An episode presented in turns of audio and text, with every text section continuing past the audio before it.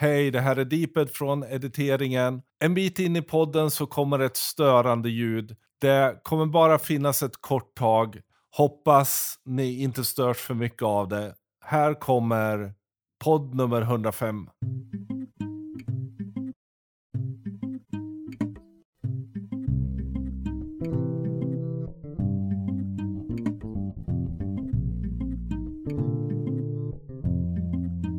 Hej, det här är podcasten Social by Default tillbaka igen och som alltid är det jag, Sara Larsson Bernhardt, som tillsammans med Deeped Niklas Strand driver den här podcasten. Vill ni kommentera det här avsnittet eller har idéer för framtida avsnitt? Twittra till oss med hashtaggen Social by Default eller prata med oss på vår Facebook-sida alternativt vårt Instagramkonto. Hej Sara! Hej Niklas! Var är vi idag? Vi är i Göteborg faktiskt. Ja. Det var länge sedan du var här. Ja, det var väldigt länge sedan. Mm. Sitter på hak, därav den vackra musiken och eh, rörelserna i bakgrunden.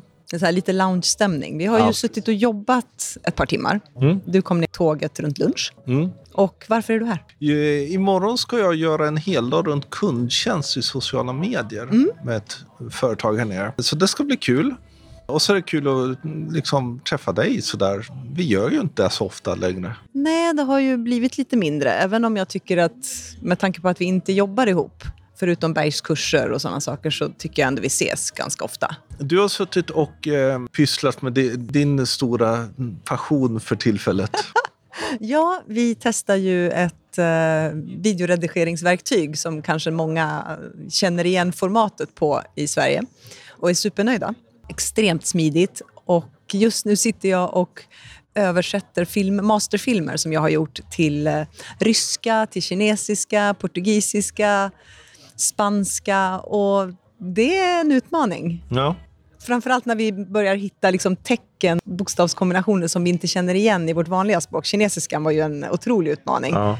Men de är duktiga, de som skickar våra översättningar. Igår hände någonting. Mm. Vad hände? Instagram, Facebook och WhatsApp, alltså hela Facebooks stora appsfär, låg nere under ett ganska bra tag. Mm. Jag vet inte om det var för alla användare eller om det var för en del användare. För att det funkade, men det funkade ändå inte. Nej, det, det funkade ju inte att publicera i alla fall Nej. för mig. Och det tog ända långt in på natten innan det kom igång. Mm. Det såg ut som att det var Europa som var mest berörda. WhatsApp fungerade ju Mm. för ganska många medan andra sa att det fungerar inte. Några hade Instagram att fungera. Så det var ju en stor, det var ju väldigt mycket diskussion. Och det är ju det största avbrottet på 15 år. Mm.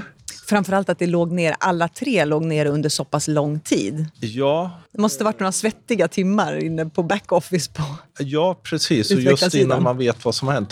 Det var ju inte då en DDoS-attack, alltså en överbelastningsattack. Då. Nej. Det är ju frågan om det är någonting att de, allt det de håller på med helt enkelt någonting Mm. Ruckar påverkar systemet. Ja. Det är ju intressant då när vi har ett så stort system och som även om de är relativt separata. Det kanske händer någonting någonstans och sen förs det vidare och det blir faktiskt en mer eller mindre katastrof. För katastrof har det nog varit för en del i världen som faktiskt delvis lever en, på det här. Att få ut sina postningar, att få kunna göra lansering. Det finns, ja, men det finns ju två stycken eh, perspektiv på det här. Det ena är ju från privatpersonperspektivet. Att Ja. helt plötsligt så kommer du inte in och kan konsumera eller vara i de här kanalerna som du är van vid. Nej. Och det är väl kanske först när de ligger nere som vi inser hur beroende vi är av dem egentligen. Ja, precis. Och när alla tre då ligger nere mer eller mindre, Mm. då har vi liksom, vart går vi då? Ja, Men då märkte vi att Twitter var ju den kanal som helt plötsligt folk hittade tillbaka till och det här, Det hade varit kul att se liksom bumpen på Ja. Twitter. de bara yes. Ja. Sen har vi ju det andra perspektivet, precis som du nämnde, företagsperspektivet. Hur agerar man som företag om du har, liksom, säg att du har en kampanjlansering eller du har poster som ligger och ska ut för att tidsmässigt är det kritiskt för att få ut dem. Och så helt plötsligt så fungerar det inte. Mm. Och influencers, alltså, som på många har liksom deals med företag och eh, det, det kan vara tidskritiska delar där man ska göra en stor gemensam så, så här, Thunderclap. slägga, thunderclap eh, in mot eh, liksom en viss målgrupp. Vad gör man då här, när man inte kan posta det och man har lovat att posta det och så kanske företaget säger nej men det kommer ju inget så du får inte betalt. Den är ganska intressant, för jag tror inte inte i ett företags krisplansplanering när det gäller liksom scenarion kring sociala medier att vad gör vi om kanalerna inte fungerar? Det, för de är ju så pass robusta. Ja. Alltså upplevelsen av att Facebook och, eller Instagram skulle gå ner är ju sådär, det händer ju så extremt sällan. Man känner ju, jag vet, jag satt, satt i soffan igår efter jag hade sprungit och hade tagit två liksom bilder som jag ville få upp på Instagram. För att visa att du hade sprungit. För att ja. visa att jag hade Mm. sprungit. Så nu får jag ju säga det i podden istället så alla vet. Sara Ehm. sprang igår i regnet. Och hur otroligt korkad man känner sig när man trycker på det här retry, retry, retry, retry och så inser man att det kommer inte upp något. Och då blir man lite förbannad. Va? Och samtidigt också ganska intressant utifrån ett socialt perspektiv. Ja, men man är van att prata med människor på en och så kanske man inte... Nu funkar det ju direct till exempel, funkar det ju hela tiden. Men om det falla ihop... Då får vi gå liksom, till Snapchat. Ja, men och då blir det liksom så här, ja, och så måste man komma överens liksom, över vad man ska vara. Alltså, så vi är ganska bortskämda med att det ska fungera. Vi är ju ganska utsatta Ja, det är otroligt sårbart. genom att vi är så pass beroende av ett så pass stort nätverk. Och det är, ju, det är ju ganska intressant just den här sårbarheten och beroendet som vi har om vi drar det liksom tråden ännu längre till en av det här, de här sakerna vi egentligen ska prata om idag. Att webben faktiskt fyller 30 år. Grattis webben! Yay! Och saken är ju den att ingen webb, inga sociala kanaler. Nej. Och om vi tycker att vi är sårbara när det gäller sociala kanaler så måste vi inse hur otroligt sårbara vi är om webben skulle liksom... Som du var inne Webben 30, Tim Berners-Lee, webbens grundare ska ja, han, skrev, han gjorde en avhandling som sen blev webben. Ja. Liksom, hur ska man kunna koppla ihop alla dokument som finns på datorer? var liksom grundidén. Lite egentligen samma grundidé som, nu drar jag en konstig parallell kanske, som, som Mark Zuckerberg har när man ska koppla ihop alla människor. Det här började ju någonstans Ja. i att koppla ihop dokumenthantering och kunna någonstans Mm. hittas överallt. Precis, och det, det finns ju väldiga likheter mellan Mm. det och att Mark Zuckerberg också kom med en essä om hur Facebook kommer att se framöver. Det är där vi kommer att prata om en hel del Mm. idag. Webben då? Vad, vad tänker vi om webben idag? Alltså jag tänker ju webben 30 år och så börjar jag räkna bakåt. Liksom. Ja, jag var ju tonåring när den kom. Ja. Väldigt ung tonåring, men Ja. ändå. Men du har ju ändå varit Min pappa är första generationens med, med felsökare. liksom, ja. Så vi hade ju tillgång till nät extremt tidigt. Mm. Eh, vi hade, han hade en bärbar dator som, eh, jag vet inte hur många kilon den vägde, som han drog hem. Och en skärm som var nästan lika stor som eh, eh, iPhone SX Maxen idag. Mm. Nej, så det har liksom varit en väldigt naturlig del i mitt liv Mm. under många, många, många år. Och jag har svårt att föreställa mig att inte ha det. Och framför allt nu, men redan back in the days. Mm. Samtidigt som 30 år. Mm. Det är ju en hel livstid. Mm. Men jag tänker tillbaka, det är nu snart, vad blir det? 95 var det jag kopplade upp mig första gången och då var det ju relativt tidig webb vi ändå pratar om. Och hur det liksom sen dess har varit en sån självklar del av allt man har gjort. Och idag är det ju svårt att separera internet och webb många gånger. Man tänker lite samma. och framförallt om man, det för ofta tänker vi webb som webbsidor, Mm. men webben har ju, har ju också påverkat till sin IoT och väldigt många genom inställningar och sätt att mm, faktiskt styra saker görs via webben. Men jag tänkte på en sak. Jag tror att jag, du och jag pratade om det här om dagen. Att nu fyller min dotter 13, så det måste varit för ja, men någonstans 13 år sedan. Då hade jag inget internet hemma, Nej. utan på jobbet. Okej. Så jag var liksom internetfri Ja. på helgerna. Okej. Och sen så längtade man till måndag när man kunde koppla upp sig och liksom surfa. Och... Kolla mejlen. Ja, men precis. Och jag vet ju, då, hade ju, då fanns det ju internetcafén och sådana saker. Ja. Men jag var inte riktigt så nördig. Så Gud, så, dit. så jobbigt liv. Ja, Jag, jag har ju haft internet sedan 95 och det är nog lätträknat de dagar jag inte varit uppkopplad. Så det liksom, men, men det är intressant en del. Det, det som Tim Berners-Lee gjorde i och med det här var ju att faktiskt påpeka att Webben är självklart en fantastisk möjlighet, men där han upplever att den har börjat gå åt fel håll. Mm. Och det har ju vi pratat om en del i tidigare avsnitt och även på internetdagarna.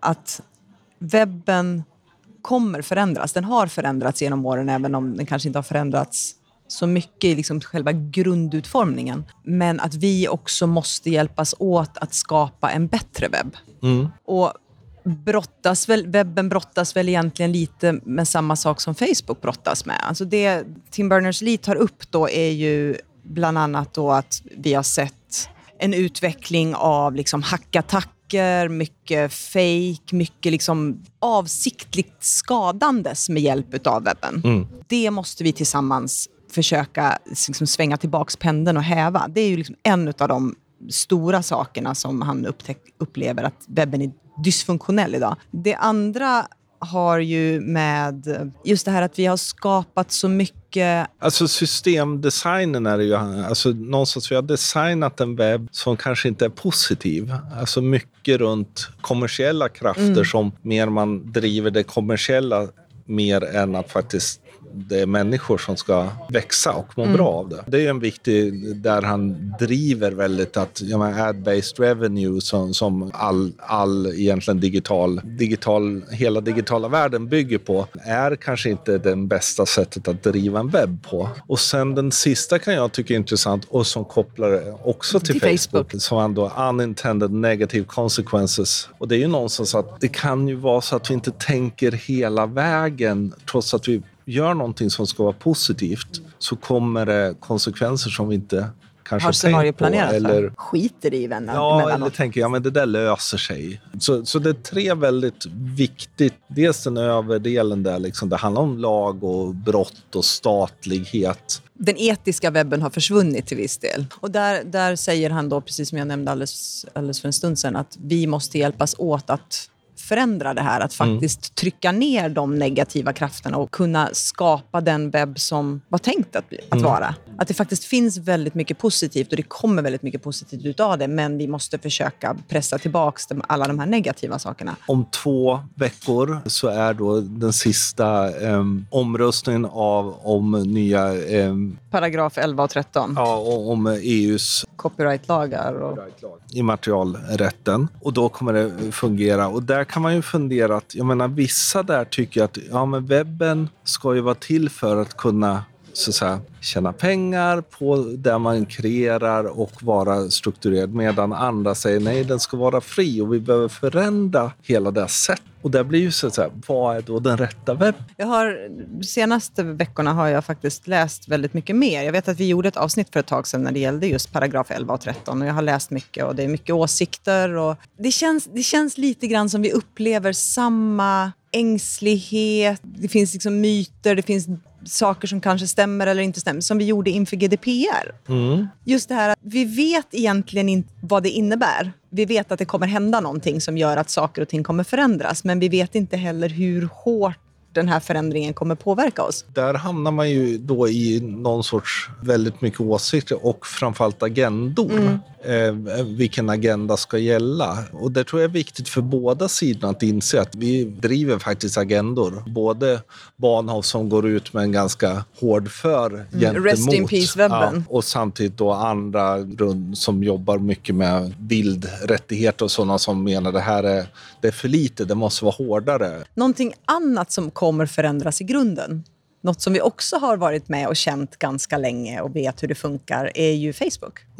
Mark Zuckerberg gick ju ut för ett par dagar sedan och eh, i en essay pratade om hur de ska förändra hela Facebook till att gå mycket mer ifrån det öppna Facebook som vi känner till ett väldigt mycket mer slutet Facebook. Och det här är ju också intressant med tanke på att vi pratar om öppenhet och vi pratar om att stänga ner. Och vi vet ju att de har haft mycket problem och fått mycket kritik för privacy settings och liknande saker. Mm. Och Det de gör då är att de kommer att fokusera mycket mer på privata samtal. De kommer låta Facebook bli mer likt WhatsApp och då kryptera samtal mellan personer. De kommer satsa på sina kanaler som är inriktade på mindre grupper. Så Messenger kommer ju bli Messenger deras kommer stora... vara väldigt viktig. WhatsApp eh, kommer eh, Instagram Direct och sen kommer de också jobba med stories eftersom de ser också den här att saker som blir kvar är någonting som är mer negativt än positivt idag. Och därmed är stories som format mycket bättre. För det försvinner om du vill att det ska försvinna. En ännu högre grad av disposable med andra ord. Det, var, det är intressant. Jag, jag, tycker om man backar tillbaka så är det intressant att Mark Zuckerberg sätter sig och skriver en, en bloggpost på 3000 ord och verkligen berättar hur han tänker hela blueprinten om framtiden. Vilka företag gör det innan de faktiskt allting är klart och de ska lansera dagen efter? Det här är ju sånt som vi kommer se Men under det- flera år. påverkar ju oss. Jag tycker att de är schyssta som gör. Jag tror nästan att han är tvungen till att göra det i den situation som Facebook befinner sig i idag. Att verkligen ta ställning och visa att okej, vi har lyssnat på er. Vi tar till oss den kritik vi har fått och vi kommer förändra affärsmodellen. Hade de fortsatt liksom gjort såna här smygförändringar, alltså utvecklat har de ju alltid gjort genom åren, men hade de fortsatt och liksom inte kommunicerat ut det här så tror jag att de behöver det för att skapa sig ett förtroendekapital igen. Det som vi nog ibland har varit lite slöa det är ju att inte inse att så här gör ju han. Så här har han gjort alla år att berätta vad han tänker och vad han tycker och vad som är, vad han, vad som är hans idé med framtiden. Självklart är det en för skillnad att han är VD, han är styrelseordförande och han är majoritetsägare. mandat att göra han vad är han vill. kung, kan faktiskt göra vad han vill. Sen är jag självklart alltså, jag är helt övertygad om att det handlar om allt som har varit. Mm. He, hela diskussionen runt personlig integritet som gör att de måste. Men också att de har sett en förändring i vårt beteende. Vi använder ju direct messaging Ja. mycket, mycket, mycket mer. Vi är inte lika intresserade av att göra öppna statusuppdateringar. Det som jag kan oroas för då i det här är ju vad händer med newsfeeden? Vad händer med om jag ska sätta på mig min professionella företags head of social-roll. Om, vi nu, om Facebook nu skiftar fokus till de här mer privata grupperna och privata samtalen och flyttar då fokuset dit istället för statusuppdateringar och att man pratar öppet i newsfeeden med företag och varandra och sådär. Kommer det urvattna värdet av newsfeeden? Kommer det liksom förändras för oss som företag och marknadsförare? I det här ligger också kryptering av allting, vilket innebär att datan som vi kan få och göra annonser och liknande kommer inte vara tillgänglig. Nej, men där har du ju annonserna och de är ju riktade in i folks flöden. Men jag tänker ju de som... Liksom, grundidén med att man någonstans bjuder in ett företag eller en sida i sitt eget flöde för att få uppdateringar. Där har vi ju sett att den organiska räckvidden blir ju bara mindre och mindre för att vi ska annonsera och betala. Men om vi då inte kan få datan för att göra annonserna så kommer det ju... Frågan är vad händer då?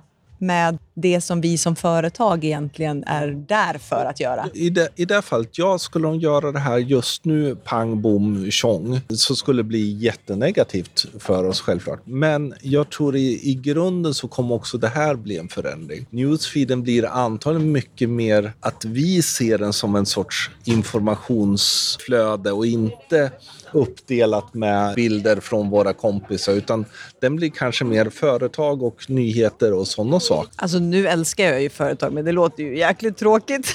Fast det beror ju på vad vi gör. Eh, Det, för jag menar, vi vet ju samtidigt i massor med undersökningar att vi vill ha företagsinformation Ja. om den är tillräckligt intressant och bra. I det här fallet så kanske vi snarare kommer också se en förändring av hur newsfeeden fungerar. Det är lätt att tänka att den Men kommer visst- alltid se ut som nu. Ja, men visst var det så att de för ett och ett halvt, två år sedan experimenterade med någon slags explore-feed där du kunde separera dina vänners uppdateringar från Mm. sidor som du följde. De har gjort det två gånger. Dels Och så det gick gjorde de det med. Paper, Ja. som var då en app där du kunde separera de två. Den var skitsnygg och eh, egentligen ganska smart. Sen har de gjort ett litet test till Mm. runt det. Eh, Jag tror inte den är, är görlig, utan jag tror nog snarare att det som kommer hända är mer att i Facebook kommer se eh, en förflyttning där newsfeeden blir mycket mer dela länkar, dela in, eh, innehåll medan stories och sånt blir mer då, då så att säga, uppdateringar plus att vi pratar mer i grupper och liknande. Det kan nog bli så. Jag hoppas det tar lång tid innan den här förändringen sker i alla fall. Sådär.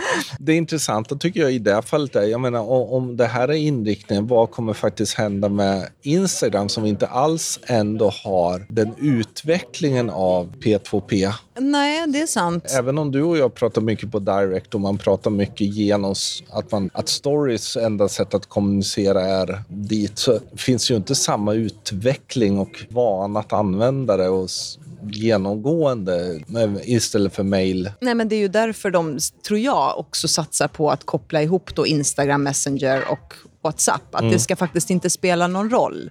För öppnar du då upp möjligheten att chatta oavsett plattform som den andra mm. har, så kommer ju det här liksom chatt rummet eller DM-funktionerna helt sömlöst bara glida in i varandra. Och Då mm. spelar det ingen roll att Instagrams DM-funktion kanske fungerar halvknackigt jämfört med Messenger mm. idag. Utan vi kommer inte uppleva det som att det är något annat än bara Nej, precis. För det är en av de stora, vad ska man säga, mer tekniska, mm. Eh, synliga sakerna. Det ska inte spela någon roll var man är. Man ska alltid kunna få tag på någon. Mm. Hur, han, hur det ska lyckas är ju en intressant sak eftersom framförallt tillsammans med kryptering så blir det ju lite svårare. Men väldigt logiskt egentligen. Det vi behöver vara medvetna om att det kommer ske en förändring och vi behöver både som privatpersoner men kanske framförallt som marknadsförare och eh, kommunikatörer eller head of socials eller vad man nu sitter och arbetar med. Vara medvetna om att vi behöver lyssna in för mm. att faktiskt analysera hur,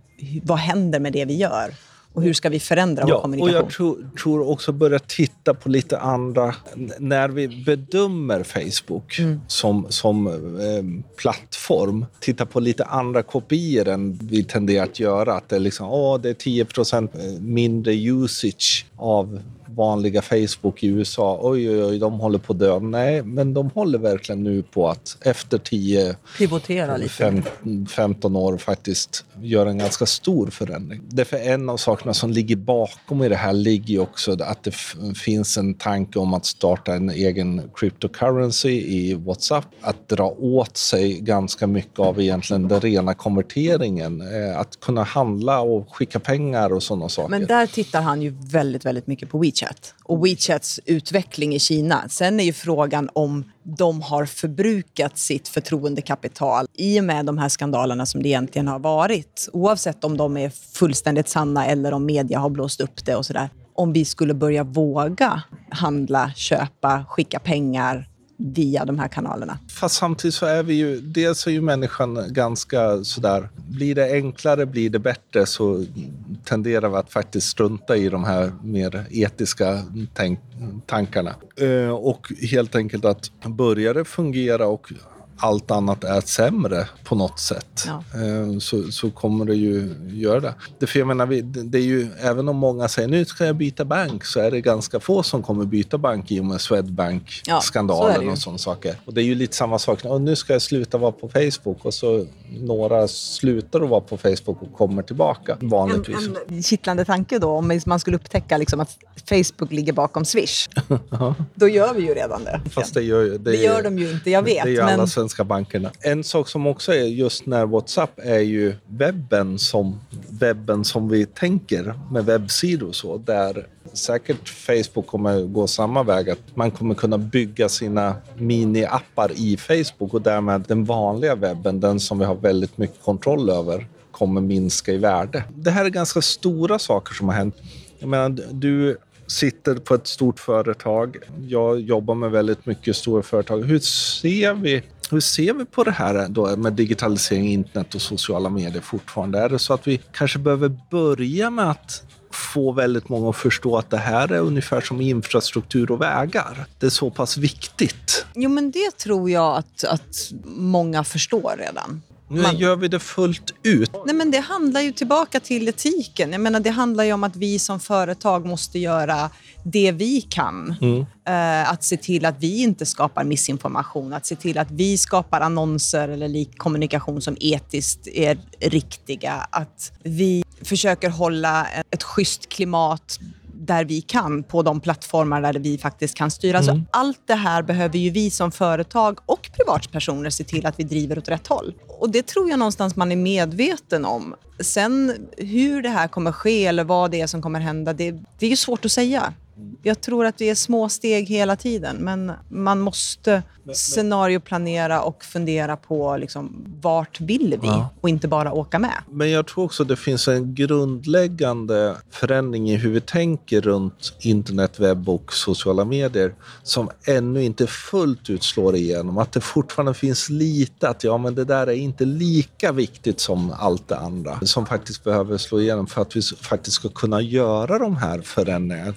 Där det, så här, både i resurser och syn på skärmtid, syn på allt sånt. Så är det. Sen beror det ju alltid vem, vem du frågar. Frågar du the sales director så är ju försäljning det absolut viktigaste och allt annat är sekundärt. Frågar du. IT-avdelningen så är det ju liksom webbsida och den infrastrukturen som är det viktigaste. Allt Jo, egentligen gemene man och sen i, i de riktigt grundläggande strukturerna s- tittar på, på internet som, ett, som inte kanske ett fenomen utan faktiskt som någonting som är en fullkomligt integrerad del av precis allt som är osäker. Och jag kan fortfarande tycka att jag... Fast både när det efter gäller 30 år med resurser och- webben och ja. snart 15 år med liksom de traditionella sociala Ja. medierna så känns det som att man är medveten om att det här är som syre.